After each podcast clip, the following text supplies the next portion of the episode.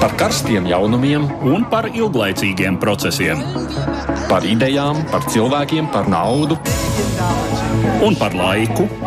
Par abām mūsu planētas puslodēm, un lietojot abas smadzeņu puslodes. Ēterā raidījums divas puslodes. Mēs atkal tiekamies raidījumā divas puslodes, Edvards Liniņš, Aits Tomsons, un šis ir laiks, kad ceturtdienās runājam par aktuālo pasaulē. Vēsturiskā Ziemeļkorejas līdera un Savienoto valstu prezidenta tikšanās ir notikusi. Abi vadītāji veltījuši viens otram daudz atzinīgu vārdu, īpaši Donalds Trumps, un viņi arī sola savu draudzību turpināt, tiekoties vēl nereiz vien. Kas īsti šajās dienās ir noticis abu valstu attiecībās, tas būs centrālais mūsu raidījuma temats. Pasaules mediji tikmēr salīdzina Trumpa izteikums par Ziemeļkorejas diktatoru un viņa kaimiņu valsts Kanādas vadītāju. Par pēdējo Trumps ir bijis tāds īpašs bargs. Kā to skaidrot? Vai ASV prezidentam patīk totalitārs, nevis demokrātisks valsts? Tiekoties ar G7 partneriem, Trumps bija daudz kritiskāks. Nedaudz laika veltīsim arī gluži citam tematam. Balkānu valstī Maķedonijā radusies gandrīz vai iekšpolitiska krīze valsts nosaukuma dēļ. Prezidents ir paziņojis, ka neatbalstīs valdības apņemšanos mainīt valsts nosaukumu kaimiņu valsts Grieķijas prasījumu dēļ. Šodien par Maķedonijas nosaukuma maiņu vienojušies Grieķijas un Maķedonijas premjerministri. Klausītāji, kas lieto Twitter, savukārt vēl ir lūgt atbildēt uz jautājumu, ko jūs, kā jūs vērtējat valstu vadītāju Trumpu un Kimčanu un tikšanos, vai pozitīvu, vai negatīvu, vai kā citādi. Tā tad izvēlieties no atbilžu variantiem, balsojiet. Twitter jautājums atrodams Latvijas radio viens kontā. Protams, gaidām arī jūsu komentārus mūsu mājaslapā. Un šobrīd studijā bez mums ir arī Rīgas Stradiņa universitātes pasniedzējs Māris Anģāns. Labdien! Eh, šīs universitātes starptautisko attiecību studente Alise Gaņģe. Dien. Un arī drošības un strateģiskās pētniecības centra pētnieks Mārtiņš Hiršs. Sveika! Bet mēs sākam raidījumu kā parasti ar dažām ziņām īsumā.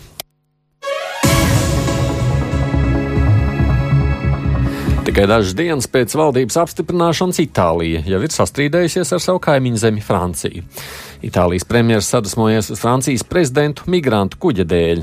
Francijas nevalstiskās organizācijas kuģis Sakvārijus bija uzņēmis vairāk nekā 600 migrantus, taču Itālijā teicās viņus ielaist savās ostās.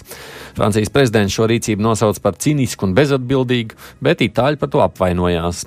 Šī iemesla dēļ Itālija draudēja pat atcelt rīt ieplānotā Itālijas un Francijas samita. Itālijas premjeram ir jābrauc uz Parīzi. Šodien pēc notikušās abu vadītāju telefonu sarunas tomēr paziņots, ka Itālijas premjeras došoties uz Parīzi. Akvārijas migrants uzņēma sestdienu, un viņiem nācās pavadīt vairāk nekā 30 stundas uz pārpildītu kuģi, kur Malta un Itālijā teicās uzņemt. Visbeidzot, Spānija piedāvāja uzņemt kuģi savā ostā Valencijā. Izskatās, ka Lielbritānija grasās tā nopietni saraut līdzinājās saites ar Eiropas Savienību. Vakar vakarā parlaments nobalsoja pret likuma projektu grozījumu, kas būtu licis Britu premjerē vest sarunas par palikšanu Eiropas Savienības muitas unijā. Tiesa pati Meija ir solījusi, ka centīsies panākt jaunu muitas vienošanos kā kompromisu. Debats par likuma projektu ilga divas dienas, un premjerministra vakar vakarā panāca arī to, ka parlaments nobalsoja pret Lielbritānijas apņemšanos pievienoties Eiropas ekonomiskajai zonai. Tāpat Briti necentīsies saglabāt pilno pieeju Eiropas Savienības vienotiem tirgumam. Jautājums par to, kā tad veidosies Londonas attiecības ar pārējo Eiropu, ir gaužām neskaidrs. Polijas prezidents Andrzejs Duda aizvakar ir ierosinājis 15 jautājumus referendumam, ko viņš vēlas sarīkot par iespējamām izmaiņām valsts konstitūcijā.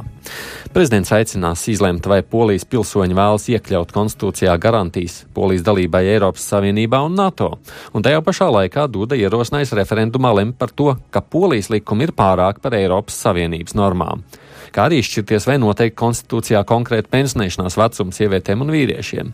Viens no jautājumiem skartu arī konstitūcijas preambulu, proti vai tajā minēt polijas tūkstošu gadu ilgo kristīgo mantojumu. Referendums varētu notikt 10. vai 11. novembrī, kad Polijā tiek svinēta neatkarības diena. Vācijas autoražotājs Volkswagen turpina maksāt par savu krāpšanos ar izmešu mērierīču manipulācijām. Uzņēmums ir piekritis samaksāt vēl vienu miljārdu eiro sodu, ko tam bija noteikuši Vācijas prokurori. Volkswagen pieņem sodu un nepārsūdzēs to. Tā rīkojoties, uzņēmums atzīst savu atbildību par krīzi un uzskata to par tālāku lielu soli tā pārvarēšanā. Tā teikts ir Volkswagen paziņojumā. Autokoncerns jau ir samaksājis miljardiem eiro soda naudās un kompensācijās patērētājiem šī skandāļa dēļ, kas arī nopietni kaitēja šī uzņēmuma dīzeļa automobīļu tēlam. Protams, tas liek domāt, ka auto lētāki noteikti nepaliks. Un varam arī šoreiz pieminēt sportu, jo futbola faniem visu uzmanību pievērst Krievijai. Tur šodien sākusies ir futbola pasaules kausa izcīņa. Krievija tai ļoti gatavojusies, un pašā Krievijā daudz spriest par to, kā tas ir noticis. Ne tikai pats sports, arī drošības pasākumi ir pievērsuši mediju uzmanību. Par drošību šajās dienās Krievijā rūpēsies policisti no 33 valstīm, un šis ir tāds liels sadarbības projekts. Drošības ziņā pasaules kausa tiek gaidīts ar bažām, jo tajā varētu būt angļu, krievu vai arī poļu futbola huligānu vardarbības uzliesmojums. Jau pirms diviem gadiem Eiropas čempionātā Francijā karstasinīgākie fani izcēlās ar ievērojamām nekārtībām. Bet nu, tagad pievēršamies sākumā minētajiem tematiem, un šīs nedēļas centrālais notikums, protams, divu valstu vadītāju tikšanās. Pasaule ir spērusi lielu soli prom no potenciālās kodola katastrofas. Vairs nekādu raķešu palaišanu, kodola izmēģinājumu un izpētes darbu. Ķilnieki ir atpakaļ mājās pie savām ģimenēm. Paldies priekšsēdētājam Kimam! Mūsu kopīgā diena bija vēsturiska. Tā aizvakar savā Twitter kontā ierakstīja Savienoto valstu prezidents Donalds Trumps. Šodien līdzīgās noskaņās izpaudās priekšsēdētāja Kīma Čenuna Twitter konta analogs - Korejas Tautas Demokrātiskās republikas mēdī, slavējot sava līdera un amerikāņu prezidenta ciešo apņēmību izbeigt nepieredzēti ilgo konfrontāciju un pavērt jaunu nākotni abu nāciju un starptautiskā miera un drošības interesēs. Lai kādi arī nebūtu 12. jūnija Singapūras samita konkrētie rezultāti, nevar nepiekrist, ka tas patiešām ir vēsturisks. Pirmo reizi amatā esošs Savienoto valstu prezidents tiekas ar komunistiskās Ziemeļkorejas vadoni. Pie tam starp abām valstīm joprojām nav diplomātisko attiecību, un pirms 65 gadiem izbeigtais Korejas karš joprojām nav vainagojies ar miera līgumu. Šis konflikts prasīja korejiešu tautai teju 4 miljonus dzīvību un padarīja Korejas pussalu par vienu no militarizētākajiem reģioniem uz zemeslodes. Kopš pagājušā gadsimta nogales pretstāvē pievienojās jauns spriedzes moments, kad Ziemeļkoreja izvērsa savu kodolieroču izstrādes programmu. Laikā kopš 2006. gada notikuši seši kodola izmēģinājumi, no kuriem pēdējā pagājušā gada septembrī iespējams izmēģināta ūdeņraža bumba. Tāpat pagājušā gada novembrī tika izmēģināta jaunā Ziemeļkorejas nesēja raķete, kura iespējams varētu sasniegt jebkuru punktu Savienoto valstu teritorijā. Šīs kodola aktivitātes ir galvenais iemesls ar vien striktākajām sankcijām, kuras pret Ziemeļkoreju vērsušas apvienotās nācijas. Donalds Trumps pagājušā gada sākumā stājies Savienoto valstu prezidenta amatā, pauda apņemšanos pārtraukt sava priekšgājēja Baraka Obamas piekopto stratēģiskā pacietīguma politiku. Vairāk kārt nepārprotami piedraudējis ar iznīcinošu atbildi uz iespējamām ziemeļkorejiešu avantūrām, viņš tajā pašā laikā izteica gatavību sēsties pie sarunu galda un visai pasaulē par pārsteigumu sagaidīja pozitīvus atbildes signālus no Phenjanas. Tam visam fonā kopš šī gada sākuma norit arī abu Koreju dialoga aktivizēšanās, kas vainagojās ar Kima Čenuna un Dienvidkorejas prezidenta Muna Džeina tikšanos šī gada aprīlī. Pirms dažām nedēļām gan šķita, ka iecerētā Singapūras tikšanās nojuks, kad neuzmanīgi izteikumi no abām pusēm jau atkal nokaitēja diplomātisko gaisotni, un Trumps atcēla sākotnēji 24. maijā paredzēto samitu. Tomēr kopš 12. jūnija līderu tikšanās ir vēsturisks fakts. Pagaidām tās rezultāts ir tikai deklaratīva apņemšanās kopīgi darboties stabilam un ilgstošam mieram Korejas pussalā, kā arī Ziemeļkorejas apņemšanās virzīties uz pussalas denuklearizāciju, respektīvi atteikties no kodolieročiem. Pirmo konkrēto soli šķiet gan spēris prezidents Donalds Trumps vakar paziņojot, ka Savienotās valstis pārtrauks kopīgās militārās mācības ar Dienvidkoreju, kuras ziemeļu kaimiņš uzskata par provokatīvām. Cik noprotams, ar Dienvidkorejas vadību šis solis nav saskaņots.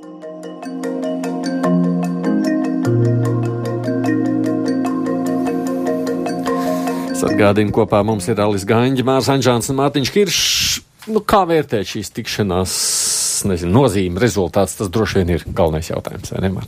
Nu, viens, ja mēs skatāmies uz tikšanos ar Ziemeļkorejas līderu un Kanādas līderu, kā arī minēja tajā ziņas izžetā, nu, tad īvaini, kā es ar prezidentu tuvākiem sabiedrotajiem kliedz virsū un viena no brutālākām, brutālākām diktatūrām pasaulē, kur kuras līderis Kim Čuns pats personīgi pavēlējis pār desmit, varbūt pār simt cilvēku nogalināt. Viņu viņš sauc par uh, talantīgu cilvēku, kurš mīl savu valsti un savus iedzīvotājus. Nu, tā ļoti, ļoti, ļoti, ļoti, ļoti uh, radikāli izteikumi no Donalda Trumpa puses, uh, ko neviens ASV prezidents nekad nav ticis, un diezgan pamatot, ka neviens no ASV prezidentiem netikās ar totalitārās uh, Ziemeļkorejas vadītājiem, jo nu, tā nav tā valsts, par kuru šāds izteikums vispār vajadzētu teikt.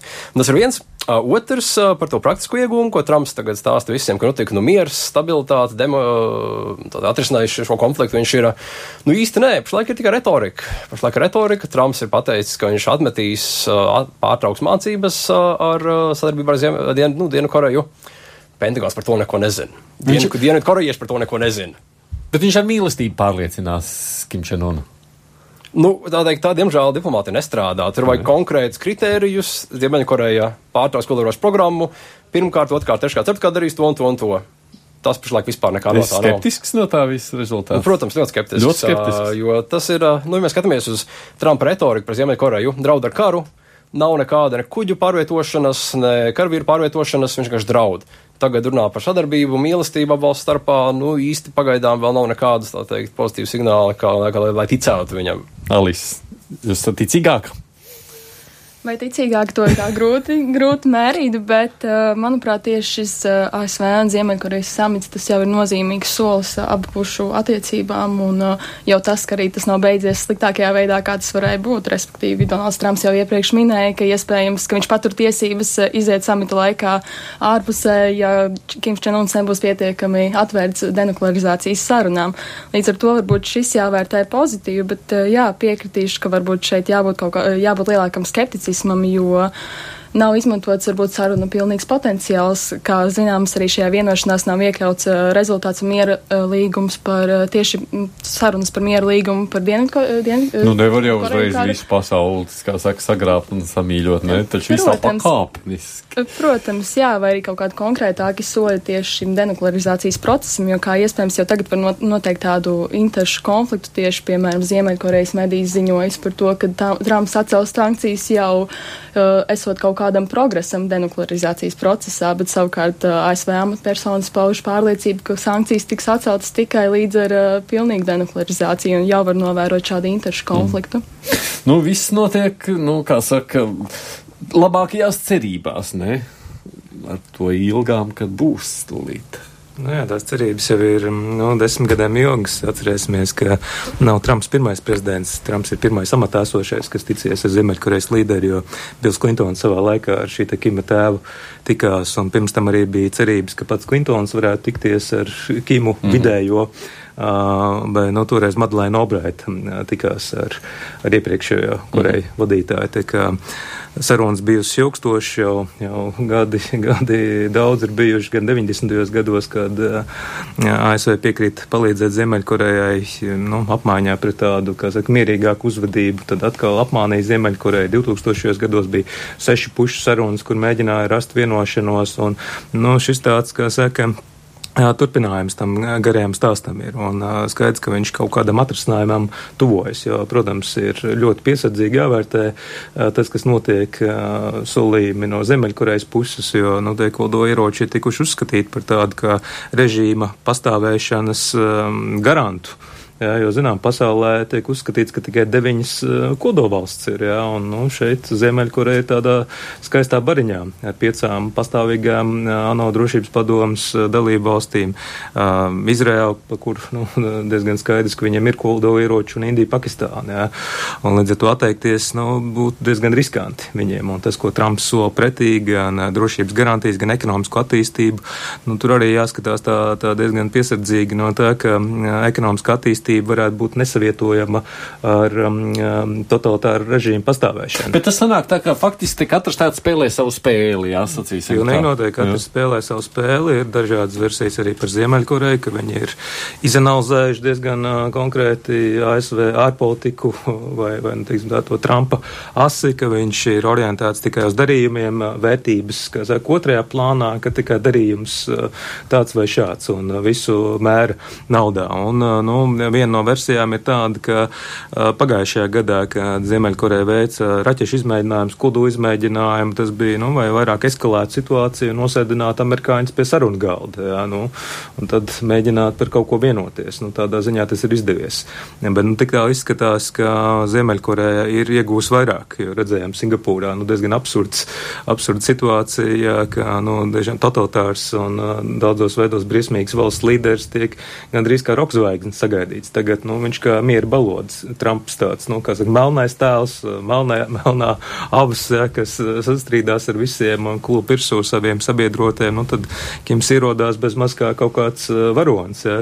Kaut gan vēl atcerēsimies, ka pagājušajā gadā acīm redzām arī deva pavēlu noslapkavot savu pusbrāli, ja. Nu, redz, kā mm. ātri lietas mainās pasaulē. Edvards, ko saki? Jā, nu, alaž, kad um, no totalitāru un uh, pasaulē kā bīstamu vērtētu valstu puses uh, ir kāds solis pretim, uh, kāds uh, varbūt žests, kas dod cerības uz deeskalāciju, tad tas ar zināmu aizrautību vienmēr tiek uztverts. Un, uh, Es domāju, prezidents Trumps arī, kurš ļoti jutīgi uztver tieši sabiedrības noskaņojums un lielā mērā uh, darbojas tieši, uh, tieši atbilstoši uh, pirmkārt sava elektorāta, bet vispār publikas gaidām. Nu, viņš arī acīm redzot ir tādā noskaņojumā pašreiz. Nu, ja mēs atceramies kādreiz, tad kādu sajūsmu rietumu pasaulē radīja prezidenta Gorbačova pirmie soļi uh, arī pretīm rietumiem uz, uz deeskalāciju, pēc tam jau uz demokratizāciju. Nu, tā taču bija vesela, kā to toreiz sauca, Gorbija mānija. Bet tur jau arī viss turpinājās. Jā, jau nenoslēdzās. Jā, tur viss tiešām turpinājās. Bet uh, es saku tikai to, ka, teiksim, tāda reakcija uz to, ka Kims vispār ir piekritis apsēsties pie sarunu galda, Uh, un uh, ka viņš ir vēl jau vairāk apgalvojis, ka nu, Koreja tagad ir gatava tiešām Ziemeļkoreja atteikties no kodolieročiem, uh, nu, tāda zināma jūsma ir pilnīgi saprotama. Bet, protams, protams cik ir tas uh, reālais segums, par to jau skeptiski viedokļi ir pastāvīgi izskan, jo, nu labi, sarīkoja kaut kādu Eh, blīkšķināšanu vienā no tiem poligoniem, eh, kas tiek izmantot un šķiet, ka eh, vienīgajā, par kuru ir bijis zināms, ka tur notiek šie kodola izmēģinājumi, nu tad sasauc arī ārzemju žurnālistus un sarīko spridzināšanu, pasakot, ka nu mēs tagad beidzam, redziet, mēs pat uzspridzinājām savu poligonu, te vairāk nekas nenotiks. Nu, ar tādu smaidu, protams, to uztver nopietni eksperti Eh, un, protams, ka vēl ir tālu, ļoti tālu līdz tam, eh, ka eh, Koreja varētu, ka Ziemeļkoreja varētu patiešām garantēti atteikties no šiem kodolieročiem. Nu, ar ko varbūt vairāk cerību saistās, ka tomēr šis abu Koreju dialogs varētu novest, iespējams, pat tiešām, kā tas tiek solīts šī gada beigās, varbūt pēc 65, nu jau tad laikam 66 gadiem, varētu tikt noslēgts miera līgums. Uh, jo līdz šim tur pastāv tikai pamieris. Bet, nu, mazliet kopumā skatoties uz to ainu no vienas puses, varētu sacīt, ka Ziemeļkorejas līderis ir izspēlējis ļoti veiksmīgi. Redz, viņš nospēlēja tādu tādu kārtu, ka beigās pats ASV prezidents ļoti gribēja ar viņu satikties. Nu, tā kā labi, vai ne? Vajag māciet piedraudēt pasaulē. Nu, bet tas nav nekas tik jauns un unikāls. Šī ir trešā reize vismaz jau, kad Ziemeļkorejieši apsola denuklearizāciju. Ne, kad... Pirms viņš apsolīja, viņš papriekš paspridzināja tā, lai visi gribētu ar viņu runāt. Jaunā gada uzrunā tur, kā tā, Jā, viņš veiksmīgi iznāca, uh, apgrieza mēteli otrādi, jā, jo nu, pagājušais gads beidzās ar ko ar sankcijām, ka tiks noteikts pret Ziemeļkorejas režīmu, kas acīm redzot arī piespied viņu sēsties pie sarunu galda, atcerēsimies Olimpiskās spēles, kopīga iziešana hokeja laukumā, sieviešu hokejā un vēl, kā saka, daudz it kā draudzīgi žesti, nu, un vienā brīdī kļūst no tāda, kā saka, antivaroņa par varoni. Nu, jā, bet redz, no vienas puses, saka, viņš tiešām, viņam, nu, es pieļauju, ka daudz gribētu apsēsties ar Donaldu Trumpu šādā veidā pie, jā. pie sarunu galda, viņam neizdodas. At, te, lūk, pašvadzina un izdodas. Nu, te ir vēl vairāki faktori, kas arī, protams, ir jāņem vērā. Es domāju, šobrīd mūsu sarunā, un arī jāsaka, laikam pirms tam, mēs diezgan noteikti noliekam pagaidām aiz iekavām Ķīnu. Kāda ir Ķīnas šī brīža vadības ietekme, jo es domāju, ka Ķīna nepārprotam ir tā valsts, kas visvairāk var ietekmēt Ziemeļkorejas vadības lēmumus. Tur ir ekonomiskā atkarība, tur ir vēsturiskās saiknes būtībā. Bet viņš jau ar Ķīnas vadītāju tikās un nebūtu, nebija tāda liela uzmanība. Tas ir interesanti, ar, ar kā lidmašīna atlidoja Kims uz Singapūru. Tas bija Ķīnas, Ķīnas nosūtīta lidmašīna, Boeing 747, tikpat liela aptuveni kā Donaldam Trumpam. Un, un, un tā bija arī žurnālisti ārvalsts sekoja līdzi, ka no sākuma Il-76 laikam transporta lidmašīna lidoja, tad mazā Kim lidmašīna un tad Air China lidmašīna. Tā kā, nu, tas, es domāju, labs signāls. Un, un tas, ka divas reizes iepriekš arī ar Sīdziņpiņu tikās Kims, mm. tā kā, domāju, tur viss ir kārtībā, viss ir saskaņots. Nu, tā viss ir saskaņots. Savukārt, ja runājam par to, ko viņš īsti ir iegūst no visu šī stāsta, nu, jo jo labi, mēs sakām, pašu, viņam izdevās apsēsties ar Trumpu pie sarunu galda. Bet nu, no tāda viedokļa sankcijas viņi beigās ir piespieduši no visa tā, ko viņš žvadzināja atteikties. Vai tur kaut kāds saturiskais ieguvums ir tajā visā? Ne, nu, te ir jautājums faktiski, uz ko mēs laikam īsti nevaram atbildēt. Kādas būtiski ir Korejas režīma attiecības ar savu tautu, ar, ar uh, sabiedrību? Jo uh, tāds varas attiecību modelis īsti mūsu pieredzē pat nav. Tas pat nav īsti tas, kas bija Padomju Savienībā. Un kā tad notiek eh, šis varas leģitimācijas mehānisms, eh, respektīvi, ko eh, sagaida Korejas sabiedrība no sava vadoņa un ko, teiksim, ko šim vadonim ir, Proti, ir jāliek priekšā. Tava versija, ka viņš visu šo Cik, tādā teiksim, veidā tā... dara, tāpēc, lai savai tautai kaut kādā veidā izpatiktu. Nu, nē, nu ik viens politiķis jā, nu, tā, jā. ir spiests eh, tā vai citādi darīt to, ko uh, no viņa sagaida tauta. Nu, te ir jautājums, ja? uh, kāds ir šīs varas mehānisms. Nu, cik, cik teiksim, tas, kas ir vidusmēra korejieša leduskapī, ietekmē šī, šī režīma stabilitāti. Nu jā, bet tad jā, jēga bija visu to žvadzināšanu taisīt, jā, tur sa, satracināt visu jā, pasauli, redziet, gan drīz vai nonāk līdz karam. Ļaut man tagad meitenei atbildēt, es gribu viņai, lai viņa saka man. Nē, protams, vēl viens no, manuprāt, ļoti būtiskiem aspektiem, ko ir ieguvusi Ziemeļkoreja, ir šī starptautiskā varbūt tās publicitāte. Ziemeļkoreja sev pasniedz varbūt tās savā ziņā kā šajā gadījumā ietekmīga valsti, jo tā ir sēdusies pie galda ar Donaldu Trumpu, un līdz ar to varbūt arī šis ir veids, kā varbūt arī uzlabot savu. Tas savu ir tāds, tā, tāds iekšējo ambīciju iespēja. Jā, tieši starptautiskā līmenī. Vai tas ir tā vērts šādā veidā? Nu, bet bet kaut kas, kad, kad tev ir leduskapis tukšs, nu to jau gan mēs atceramies no pagātnes tie, kuri to piedzīvoja. Viņiem jau leduskapis ir tukšs jau cik gadus. Jā, bet nu kaut kas ir jādod vietā. Un ja tev leduskapis ir tukšs, toties uh, aiz loga tev stāv raķete, mm. jā, nu tā, tēlēni izsakoties, ar kuru teorētiski uh, tavs vadonis var iebliest pat Vašingtonai. Nu, tad, tad tu varbūt pieciet. Bet, bet leduskapis kļūst dēļ tā vēl tukšāks. Bet tas ir uh, ne tikai par ambīcijām, bet arī par to, ka Ziemeļkoreja ir sasniegusi savus mēķus. Ir kodola raķetes, ir raķetes, tā teikt, kuras var sasniegt ASV, un tagad ASV viens pret viens runā ar Ziemeļkoreju. Kādreiz mēs bijām mazi vai netīstīti, dabūjām kodolieročus, tagad mēs esam pasaules lielvalsts. Nu jā, bet tagad viņš sola, ka viņš tos kodolieročus viss nu, nu, sab... Nu, tieši tā. Griezīs. Ziemeļkoreja jau trīs reizes ir solījusi, divas reizes solījusi, tagad trešā, kad viņi sagriezīs savus kodolieročus, nekas nav noticis, tikai vienīgi turpināt kodola programma, jo, nu, tas, kas trūks pašlaik uh, vispār šajā sarunu procesā, nav nekāda konkrēta kriterija. Ko Ziemeļkoreja darīs ar savu kodolreaktoru? Ko viņi darīs ar centrifugiem, kas bagātina urānu? Ko viņi darīs ar jau esošiem kodola, kodola galviņām? Nu, tas ir viss parasti normāli diplomātiskā procesā. Tiek apspriests, izrunāts un tad nonāk pie vienošanās. Ir tā teikt, ir ceļa karte, ko mēs darīsim, lai risinātu teikt, šo denuklearizāciju. Pašlaik tikai skaidrs paziņojums, ka mēs nu, teikt, nu, beigsim, bet ko, kā, kāpēc, kad pēc gada, pēc pieciem, pēc divdesmit. Bet kas Trumps par biznesmeni, ja viņš šādā veidā lietas kārto? Nu, tad kaut ko noslēdz, pats nezinu, ko noslēdz. Akcija opcijas. Ja, nu, tas ir sākums. Diplomātija jau nav vienkārši lieta. Nekas nenotiek vienā dienā. Jā, jā. Nespēja iepriekšējā ASV prezidenti, cik nu viņi jau bijuši, ir un uh, atrisināt to jautājumu. Nu, nebūs arī tā, ka Trumps uzreiz to izdarīs.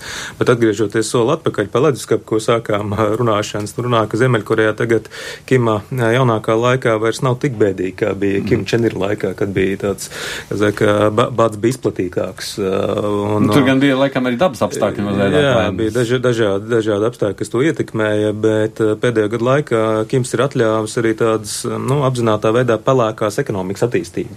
Nu, to, ko cilvēki, kas brauc uz Ziemeļkoreju, novērojuši, ka cilvēki ģērbjas krāsaināk, nu, ienāk, ienāk tāda kaut kāda, zinām, pat neliela kapitālisma elementa, ka valsts tādā kontrolētā veidā tomēr ļauj tādu maigu attīstību ekonomikā. Tas nozīmē, ka ir cerības, ka Ziemeļkoreja tam mazliet pavērsies. Nu, iespējams, jā, bet tā taka jau ir ļoti, ļoti grūta, jā, jo, nu, ja pārāk strauji jā. pavarās, jā, nu, tad ātri var sabrukt. Un šeit, nu, kā viens no modeļiem teorētiski var būt Ķīnas modelis. Protams, Ķīna tas ir cits jautājums. 1,3-1,4 miljārdi iedzīvotāji, Ziemeļkorejā tie 25 tikai miljoni, jā. Bet no Ķīna jau arī no Denis Jāpina laikiem, jā, no 80. gadiem pakāpeniski atvērās ļoti lēnām, valsts kontrolētā veidā, un kā to ķīnieši stāsta, mēs būtu uzreiz atvēruši vaļā vārtus visām, nu, nezinu, vai būtu viena valsts vēl, jā, nu, tur arī var ticēt, var neticēt viņu uh, versijām, bet, nu, tas varētu būt viens no modeļiem, uz ko mēķētu, jā, ka pakāpeniski tad tiek atceltas sankcijas, pakāpeniski mm -hmm. valsts atverās, tomēr diezgan stingrā valsts kontrolē, saglabājot no, to, tās totalitārās metodas, kādas ir, un vienlaikus pakāpeniski atsakoties no kodolieročiem. Skaidrs, ka ASV gribēs nu, nospiest tādā ziņā, ka kodolieroču un raķešu Ziemeļkorejai vairs nav. Uh, bet, nu, Ziemeļkorejieši droši vien pretosies tādā. Nu, tā sāksies kaulēšanās. Nu, tieši tagad, tā, nu, kurš, kurš pa priekšu, mm -hmm. vai ne, svari kaus vienā kausā, vai ne, raķetes stāv iedomāsimies, un kodolieroču sankcijas, jā, un ekonomiskās attīstības iespējas. Nu, tad tās puses, kā saka, tos svarus bīdīs katru savā virzienā. Mm. Ja beigās vēl par šo tēmu, bet mēs, protams, pieskarsimies tālāk tajā visā stāstā. Bija vispār vērts satikties vai nebija? Mēs klausītājiem prasījām, nu kā tad ir, ja puse mums saka, viņiem ir grūti pateikt, kā novērtēt šo satikšanos. Jā, 31% saka tikai pozitīvi. Tiem, kam mēs Twitterī lūdzām atbildēt, vajadzēja vispār satikties vai nevajadzēja viņiem abiem? Jo tas jau arī tagad ir vēl tāds diskusijas jautājums. Nu, kā jau es minēju, sarunas sākumā jau, jau pati, pati šī tikšanās jau kā fakts tomēr ir solis pretī kaut kādām diplomātiskajām attiecībām un kaut kādai stabilitātei starp abām pusēm. Jau šis sarunu jau spēja vienoties mm. par sarunu un šī eskalācija, arī notikuma eskalācija, ka pirms deviņiem mēnešiem uh, Kims ar Trumpu apmainījās publiskajā telpā ar dažādiem asiem uh, izteicieniem, savukārt pir, pirms trīs mēnešiem jau bija vienošanās par šo sarunu. Uh, un nu, jau viņa ir notikusi, tas liecina tomēr uz pozitīvāku tendenci. Jā, vajadzēja. Visi piekrīt. Divi aspekti. Jo, no. Ja mēs skatāmies uz retoriku, tad noteikti tā, tā kara iespējamība ir mazinājusies. Ja mēs skatāmies uz Ziemeļkorejas spējām, tieši tas pats ir gan kodolgalviņas, gan raķetes. Nekas īsti nav mainījies. Tā kara iespējamība ir tieši tāda pati, pat ja retorika ir mainījusies. Tas militārais līdzsvars nav mainījies absolūti nemaz. Uz šo jautājumu nevaru par agru atbildēt, ja pagaidām, jā. Nu, jā. Ja, nu, domāju, satikties bija vērts, nu, kaut vai šovu pēc, jo, kā saka, Trumps, Trumps mums. Šovs bija interesants, nu, jā, visi, ir... visi online tiešraidē rādīja, bija pieslēgušies visas pasaules jā, kameras. Domāju, Trumpam, jā, ir, ir labs iespējas, jā, kļūt par vēsturē, nu, vienu no zināmākajiem un apstrie, apspriestākajiem politiķiem, jā, nu, zinām, ja komiķiem ir, ir daudz darba ASV un ne tikai, jā, un arī, nu, visur, kā saka, apspriest tiek un ir par ko runāt. Trumps nodrošina to, ka starptautiskās attiecības šobrīd ir interesantas lietas, ka mums visiem ir par ko runāt. Un, nu, cilvēks, kas ir zināms, gandrīz ik vienā virtuvē. Nu, labi, bet, ja runājam par šo tikšanos, jāpievērš uzmanība vēl tam aspektam, ka nu, šīs nedēļas laikā jau bija būtībā divas tikšanās kopš mums iepriekšējā raidījuma Trumpam, viena ar Kimčinu un otra tātad ar partneriem G7 tajā valsts sanāksmē. Un, nu, pēc tās taču tā ASV prezidenta komentāri bija krietni citādāki. Kā jau iepriekš tika paredzēts, G7 samits nebija viegls. ASV prezidents Donalds Trumps nepiekāpās jautājumos par tirdzniecību un saviem sabiedrotajiem veltīja skarbus vārdus, kā arī aicināja lielo un ekonomiski spēcīgo valstu pulciņā atkal uzņemt Krieviju. ASV šajā jautājumā atbalstīja arī Itālija, taču tam iebilst pārējās lielā septītnieka Eiropas Savienības valstis. Tāpat piepildījās prognoze, ka samits beigsies bez noslēguma komunikē. Neilgi pēc samita noslēguma Trumps Twitterī apsūdzēja Kanādas premjerministru Justinu Trudo negodīgumā un atsauca Vašingtonas atbalstu samita beigu paziņojumam, kurā pausta apņemšanās cīnīties ar protekcionismu.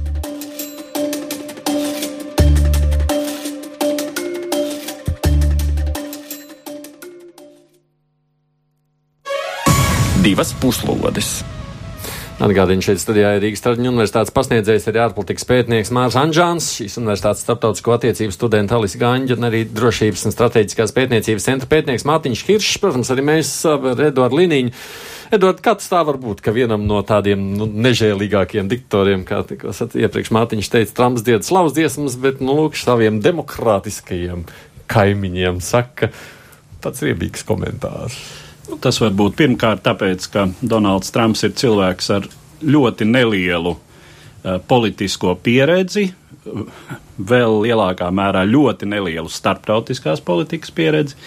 Acīm redzot, viņš īsti neizjūt to, ko nozīmē diplomātisko attiecību tradīcijas un cik tās ir svarīgas.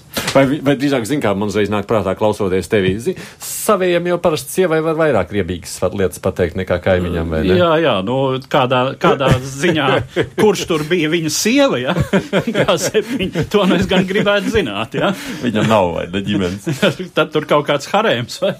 Nu, labi, labi. Nē, nē, bet uh, vēl viena lieta, nu, diemžēl laikam tomēr uh, apstiprinās Donalda Trumpa reputāciju, ka viņš ir arī lielā mērā tāds mirkļa improvizācijas un garstāvokļa cilvēks. Un, uh, ja uh, Trudo kunga izteikumi viņam sabojā garstāvokli, tad ir šāda mazliet histēriska reakcija.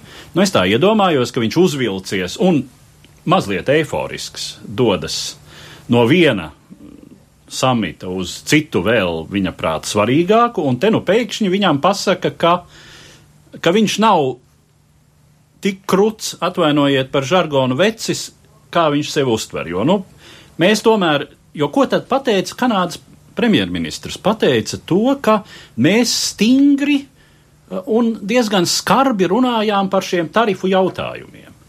Ka mums bija, uh, ka mums bija uh, nu, angliski tas skanēs strong and uh, firm. Uh, nu, burtiski tā tad sting, stipras un cietas, bet nu, literāri droši vien ir jātulko stingras un apņēmīgas sarunas ar Savienoto Valstu prezidentu. Uz ko Trumps atbildēja: nekā, uh, Justins tur uz vietas bija mīļš, Justins tur uz vietas bija maigs un rāms, un tagad redz sācis dūres vicināt. Nu, tad es tev šitā, ja? pie kam uh, Trumps laikam uh, pēc, uh, pēc protokola nevar atsaukt komunikē. Uh, Bet par to var nenobalsot Savienoto Valstu likumdevēju. Nu, tiem ir jāapstiprina. Un viņš, lūk, kā viņš raksta savā tvītā, tad ir instruējis savas partijas biedrus, lai tie neapstiprina.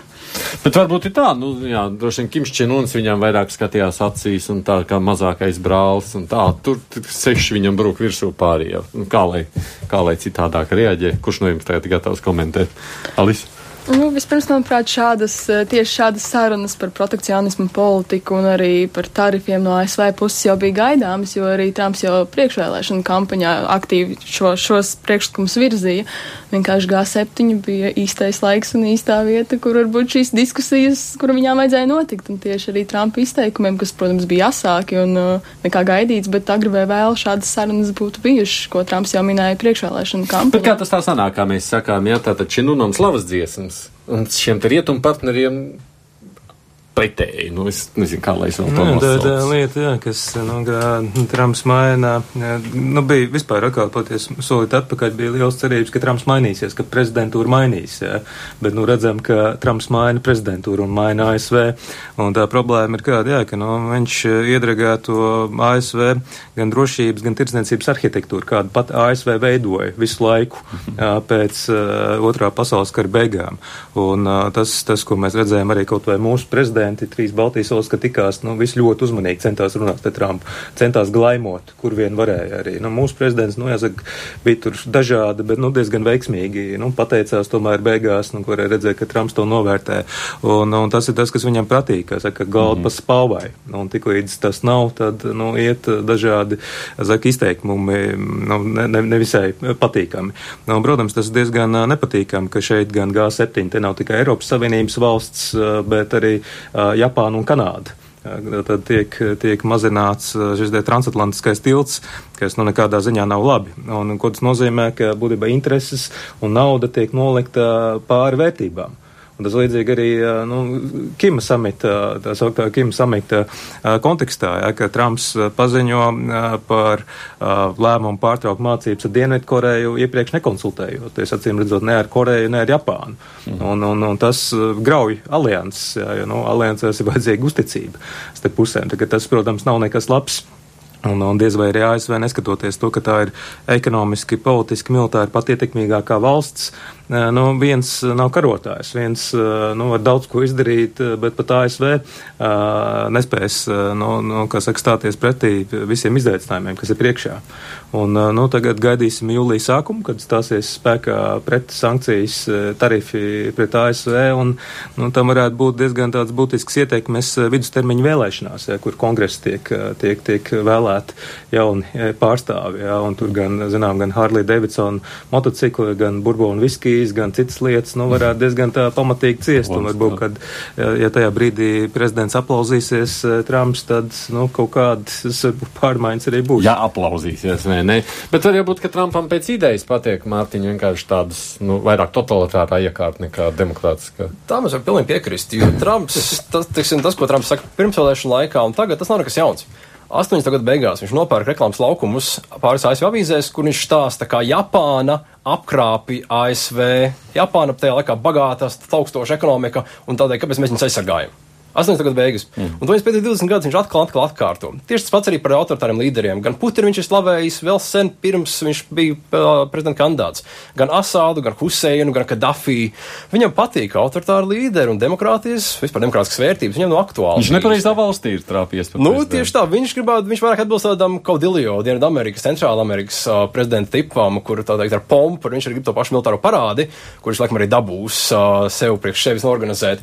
Nu, arī tas mačo tipa tāds militārs, militārs diktatūras līderis, nevis demokrātiskas uh, ASV prezidents. Nu, tad tas bažas ir tādā gadījumā. Ka amerikāņiem tas patīk, un viņi vēl tādu prezidentu. Nu, amerikāņiem, republikāņu partijas vidū viņš ir izteikti populārs, un republikāņu partijas vidū tas arī ļoti paradoxāli. Es nu, tieši biju pirms nedēļas ASV, arī runāju pār republikāņiem. Republikāņi, tie brīdī, kad Obama mēģināja runāt ar Ziemeļkoreju, ārkārtīgi kritizēja Barack Obamu. Nu, ka briesmīgi, kā runāt ar totalitāras valsts, kas pārkāpj cilvēktiesības līderi. Tagad, kad Trumps runā ar viņu apmetuši kažoks otru pusi un pilnīgi viss kārtībā ir. Tā kā, nu, daudz kas, no, kas notiek ASV politikā, ir priekš šīs te bāzes, priekš savu atbalstītāju interešu apmierināšanas. Vienkārši tu izdari kaut ko izstāst labi tiem vēlētājiem, nu, lai viņi turpina tevi atbalstīt. Un Trumps ļoti apzināti spēlē uz tiem cilvēkiem, kuri viņu atbalsta. Savienotās valsts mainās. Jā, bet varbūt arī nevajag varbūt pārāk zaka, demonizēt tā, Trumpu. Tā, nu, viņš, viņš ir tāds, kāds viņš ir ar, ar, ar tādu ASV prezidentu ir jāsadzīvo. Jā. Nu, es nedomāju, ka viņam ir uh, tik traki, ka nu, viņš tieši totalitāras valsts uh, ciena. Viņš, kas ir acīm redzami, ka viņš ciena spēcīgus līderus un spilgtas personības. Un, nu, vēl jau vairāk, uh, ja var kaut ko sarunāt savā starpā.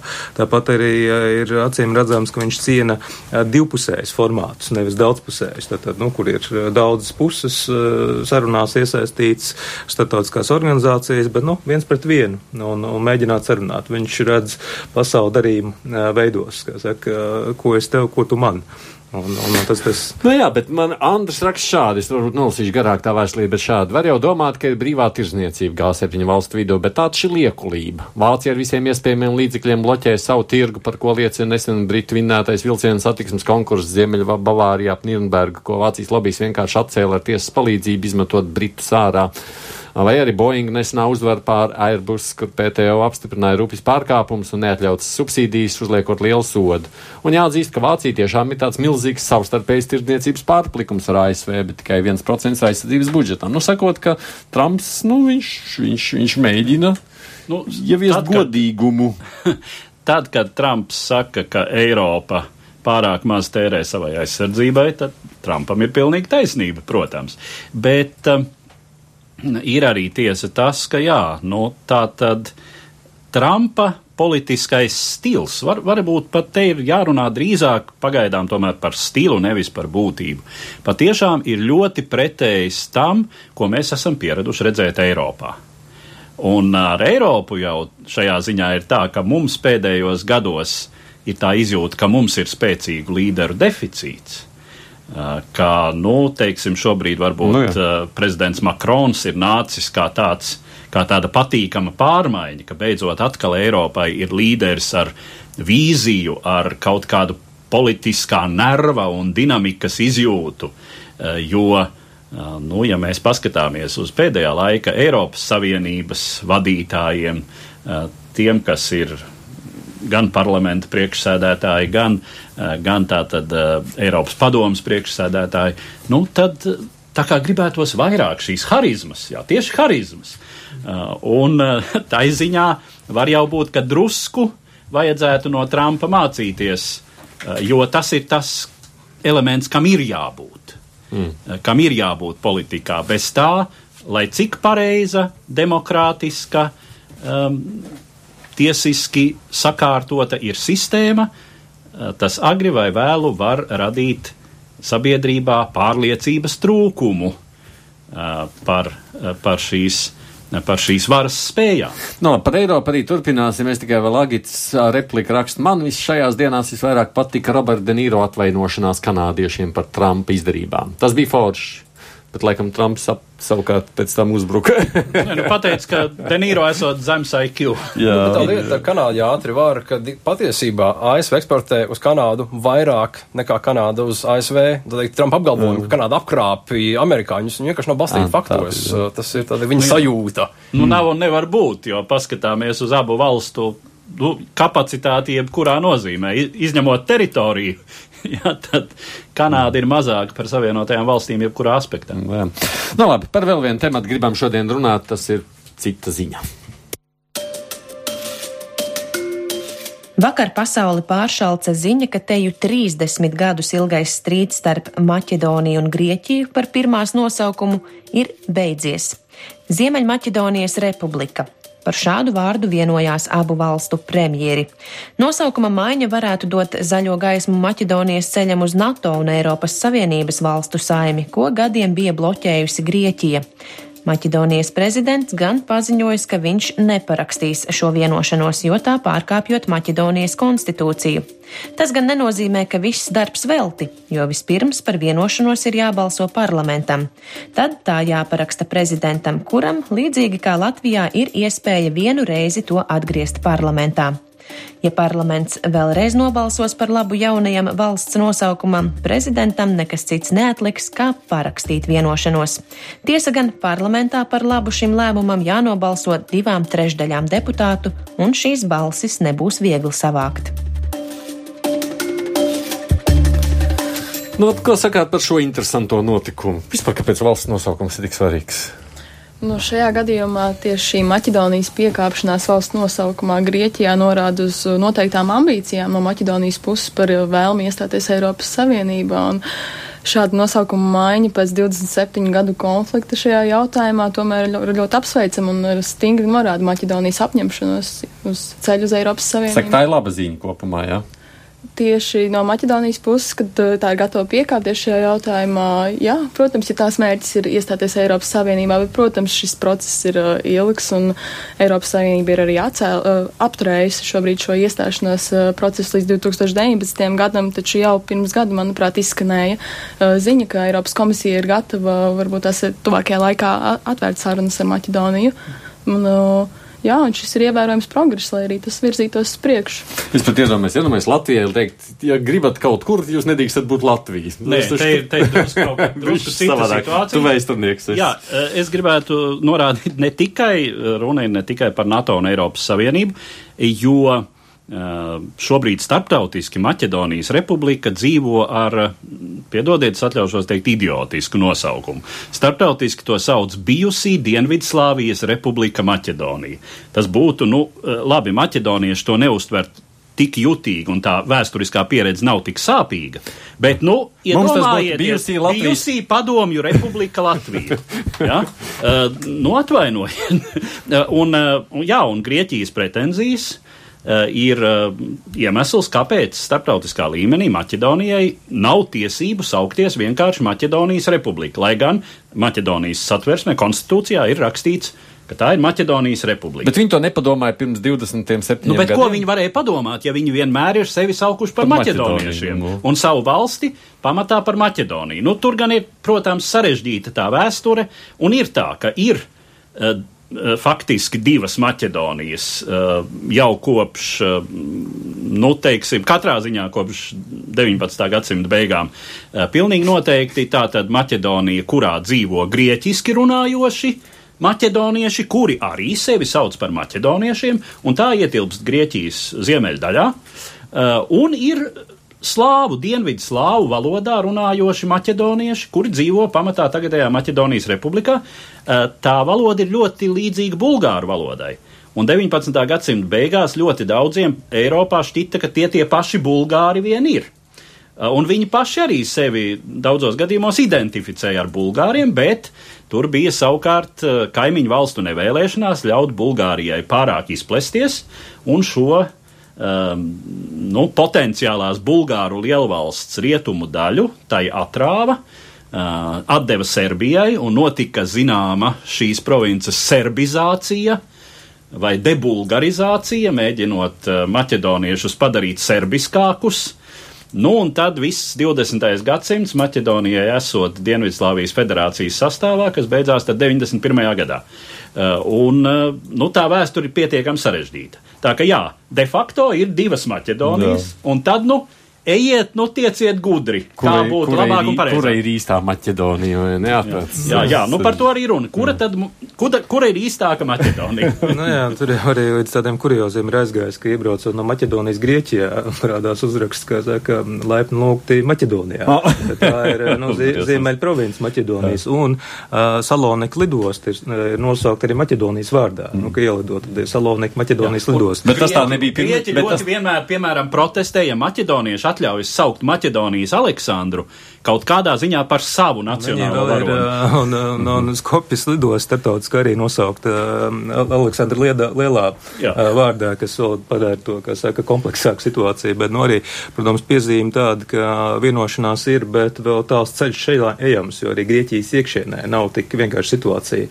Ir bijuši diezgan pamatīgi protesti pašā Grieķijā, kur, nu, cilvēki iziet ielās, ka tas, nu, nav tikai tā, ka tas ir politisko elišu jautājums. Un, cik var saprast, šobrīd arī, nu, opozīcija nav gluži tādās uh, domās, ka ļaus uh, tā, nu, viegli iziet šim te lēmumam cauri. Nu, pašā Maķedonijā. Tā Arī Nu, Grieķijā. šajā. Gan, Arī gan Grieķijā? Grieķijā, jā, gan bet, bet Maķedonijā. Grieķijai ko iebilst, ja sakot, ka viņi maina Nu, nosaukumu? ir, nu, tie varianti jau bija dažādi.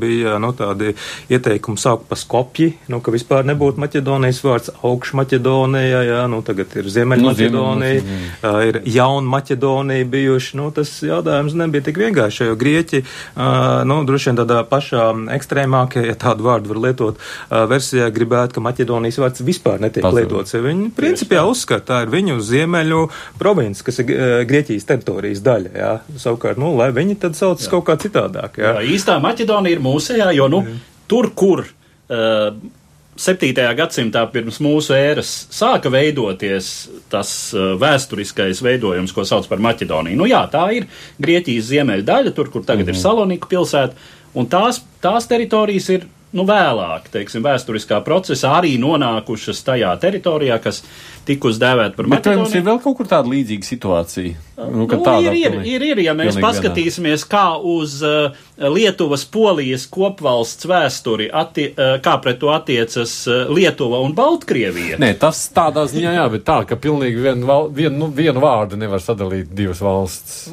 Tā grūti, grūti teikt, bet ne, nu, ko mēs redzam šajā konfliktā? ka Tas ir tas, kā 21. gadsimtā tiek risināti šādi konflikti. Tie ir ilgstoši, birokrātiski, politiski procesi, kur beigās nonāk kaut kāda konsensa, kur abas puses īsti nav laimīgas. Uh, Nu, tas, protams, daudz labāk nekā Krievijas veids, kā risināt konfliktus ar bruņotiem spēkiem. Nu, tad, tad, ja mēs gribam Bet, ja drīkst jautāt, tas, ko man kolēģi savukārt stāstot vakar par šo notikumu, sacīja, ka, š, ja tā vienošanās beidzot tiks īstenot, ka tas mazinās Krievijas ietekmi ā, šajā reģionā. Es, Nu, ir viens ir Krievi, Krievija, jā, bet vēl arī Ķīna, starp citu, arī nu, ir, ir spēlētājs, jo, teiksim, pa Balkāniem arī nu, tā situācija kāda. bet, bet kāds viņiem sakars ar to nosaukumu? Uh, Jo nu, viens ir tas, ka, mm, ja Maķedonija nevar virzīties uz Eiropas Savienību, NATO, tad viņi tādā pelākajā zonā ir. Mm -hmm. nu, kā viņi ne šur, ne tur, jo nu, kaut kādu jau perspektīvu vajag, uz kurien tad doties, kaut kāds mērķis attīstība. Jā, mēs te runājam par kohēzijas fondu pārdalīšanu, un nā- nākamajam periodam vēl, nu, tas dod ekonomiskās attīstības um, instrumentus, uh, vienalga iespējas cilvēkiem ceļot, tas ir ārkārtīgi svarīgi. Viņi aiziet no Krievijas ietekmes tādas Nu, nu, zonas. nu, kā, ja, ja nav, tad ir visie, visiem Jā. jā. citiem ir iespējas, kas saka, darboties un, un izplesties. Jā. Nu, atcerēsimies arī par to pašu Mankaunu, kāda ņemšanās bija, kad iestājās tomēr NATO. Krievija darīja visu, lai nu, tas nenotiktu. Tā kā Tur jau arī vēl cīņa nu, netuvu no galā. Nu Jā, tā pēc tam, kad uh, gan uh, Rumānija, gan Bulgārija ir iestājušās gan NATO, gan Eiropas Savienībā, tad šīs bijušās Dienvidslāvijas republikas valstis šobrīd ir pēdējais Krievijas manipulāciju, teiksim, potenciāls Balkānos. Nu, un Krievijas vēlme ietekmēt Balkānus ir uh, te jau tikpat sena, kā, nu, ne, ne gluži tikpat sena kā Krievija, bet nu, kopš 18. gadsimta. Jā. Nu, labi, bet izdosies viņiem vienoties beigās. Tad To tu grūti pateikt, tagad pēdējos dienas ziņas, tā teikt, tur ir diezgan liels haoss pašā iekšēnē. Nav, nav teikts, ka viņi savāks to divu trešdaļu vairāk, mums nepieciešams parlamentā, nu, tas tā teikt. Tas tas pats ar Ziemeļkoreju. Mēs nezinām, kāds atrisināsies. Ir iespēja, ka Trumpam viss tiešām sanāk. Par spīti tam, ka izstāsta viss diezgan tādiem šī- šībiem pamatiem būvēts. Kur politologiem ļoti, ļoti grūti prognozēt. no, šeit, man liekas, bija cerīgāk nekā. Šeit ir daudz cerīgāk nekā Ziemeļkorejā. Pilnīgi stabiljā, bet tas stāsts par viņiem ir tā vēlme tik ļoti iestāties Eiropas Savienībā un NATO, ka viņi ir gatavi upurēt savu seno cīņu. Nu, šeit ir jautājums, kā saka, nu, vienmēr vēsturē ir milzīga nozīme. Ja kāds saka, vai, nu, liekam vēsturi malā, aizmirstām, nu, pasaules vēsture liecina, ka tik vienkārši nav. Vēsturei simboliem milzīga nozīme. Nu, šeit ir izšķiršanās, jā, ir kā, nu, kas tur būtu, nu, nomaina nosaukumu un, un atvērsies gan drošības garantijas, ja, gan ekonomiskās attīstības perspektīva, bet, nu, reizēm, redz, principi spēcīgāki. Līdz ar to te vēl tā debate būs, un mēs jau tikai noskaidrosim, kāda, kāda tad ir, nu, tas līdzsvars starp, Nu, starp principiem un pārējo. Latvijā līdzīgi, lai pievienotos NATO, jāskārto robeža ar Krieviju, arī milzīgi. Nu, nu, tas protesti. Abrēni bija jāatdod, vai ne? Jā, nu, jā, jā, nu, jāatdod, jā, pēdējās. Līdzīgi, jā. emocionāli varētu teikt, drusku līdzīgi. Uh, nu, varbūt es saku niansēs eh, maķedoniešiem šī um, identitāte nav varbūt nu, nu, tik fundamentāli saistīta ar, š- tieši ar šo nosaukumu, cik tas ir nu, Latvijas gadījumā latviešiem. Lai gan, nu, tomēr, tomēr tas ir konstitūcijā ierakstīts, un viņi sevi dēvē par maķedoniešiem, nevis par ziemeļmaķedoniešiem. Nu, labi, lūkosim, lai viņiem izdodas vienoties, un beig beigās tas uh, arī nes tos vajadzīgos augļus, jeb rezultātus, ko viņi tik ļoti ilgojās, kļūt arī par daļu no Eiropas Savienības un NATO. Paldies jums, ka atnācāt šeit. Es saku jums visiem.